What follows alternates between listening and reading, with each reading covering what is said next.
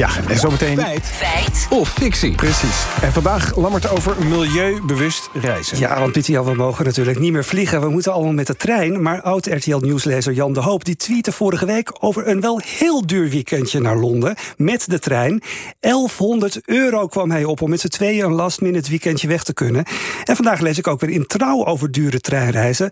Dan gaat het ook al over honderden euro's... voor een internationale trein naar Londen. Ja, en wat, hoe kan dat? Wat gaat er hier allemaal mis? Nou, we hebben allereerst de reiziger zelf maar eens even gebeld, Jan de Hoop. Want er kwam nogal wat los toen hij over die prijs tweette. En daar hebben heel veel mensen op gereageerd, duizenden echt. En, en ja, de meest grappige vond ik wel van ja, als het barbecue weer is, maak je toch de barbecue ook niet tien keer zo duur. Of als je het laatste pak melk koopt in de supermarkt, zeggen ze, nou, dit is het laatste pak, dat kost nu ook tien keer zoveel.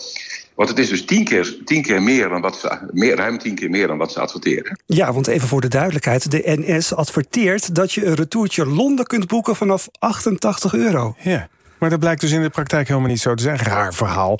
En, en over die prijzen ook. Een treinreis is toch gewoon een treinreis? Ja, dat zou je denken inderdaad. Maar het is net als met vliegtickets. Want uh, als het gaat om uh, internationale treinreizen. Want hoe later je boekt, hoe hoger de prijs, vertelt de hoop. En daar komt de schaarste gewoon. Ze hebben, ze hebben de, de trein zit vol uh, en, en er zijn nog maar weinig kaartjes. En ja, dan moet je dus de hoofdprijs betalen. En ik vind dat asociaal. Ik heb het robbery at broad daylight genoemd op Twitter.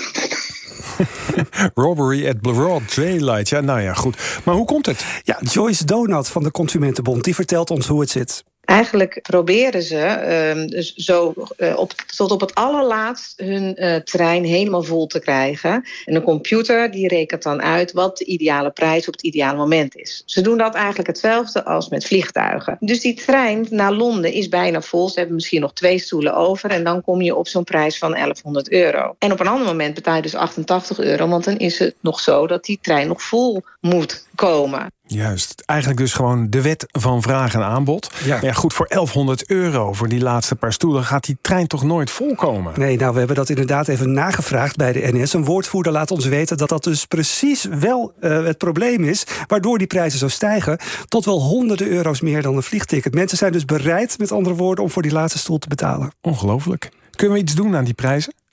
Nou, uh, iemand die zich inzet voor dat reizen per trein... om dat aan te, moedigen, is GroenLinks-Kamerlid Suzanne Kreuger. En we legden het haar eens even voor. Ik denk dat het heel belangrijk is om te zorgen... dat die internationale trein, bijvoorbeeld naar Londen hè, of Parijs... echt heel vaak rijdt zodat je gewoon een heel frequente verbinding hebt... die goed kan concurreren met het vliegtuig. Er gaan nu nog 60 vluchten per dag naar Londen. Nou, dan wil je uh, echt wel wat meer treinen hebben rijden. Maar ik denk ook met binnenlandse treinen zie je dat er gewoon één vaste prijs is. En met internationale treinen zijn er die regels niet. En daar zou je misschien ook wel Europees iets over af moeten spreken. Tja, dat klinkt nog wel een beetje vaag, uh, uh, lijkt me eerlijk gezegd. Ja. En op zich, ja, als we nou willen dat mensen minder gaan vliegen op korte afstanden en meer de trein nemen, zou je zeggen: dit is het laatste wat je moet doen. 1100 euro voor de laatste stoel rekenen. Klopt. Heeft de Consumentenbond misschien nog tips? Ja, schrijf maar even mee. Er zijn ook boekingswebsites die dat voor je doen. Trainline is er eentje van. Die zoekt helemaal uit van wat nou het beste is om uh, een combinatieticket of losse tickets en hoe je dan het goedkoopst op je bestemming kunt komen. Oké, okay, dus er zijn net als voor vliegtickets ook internationale treinreistickets. Handig om te weten. Ik ben trouwens nog wel benieuwd of Jan de Hoop eh, zijn bestemming heeft bereikt eigenlijk voor te veel geld. Ja, zullen we het even vragen? Nee, natuurlijk niet. Nee, nee hoor. Het is, het is, uh, we kunnen het betalen, want ik heb een goed pensioen bij RTL. Maar dat is absurd. Er gaat er niet 1100 euro voor, voor twee kaartjes naar Londen.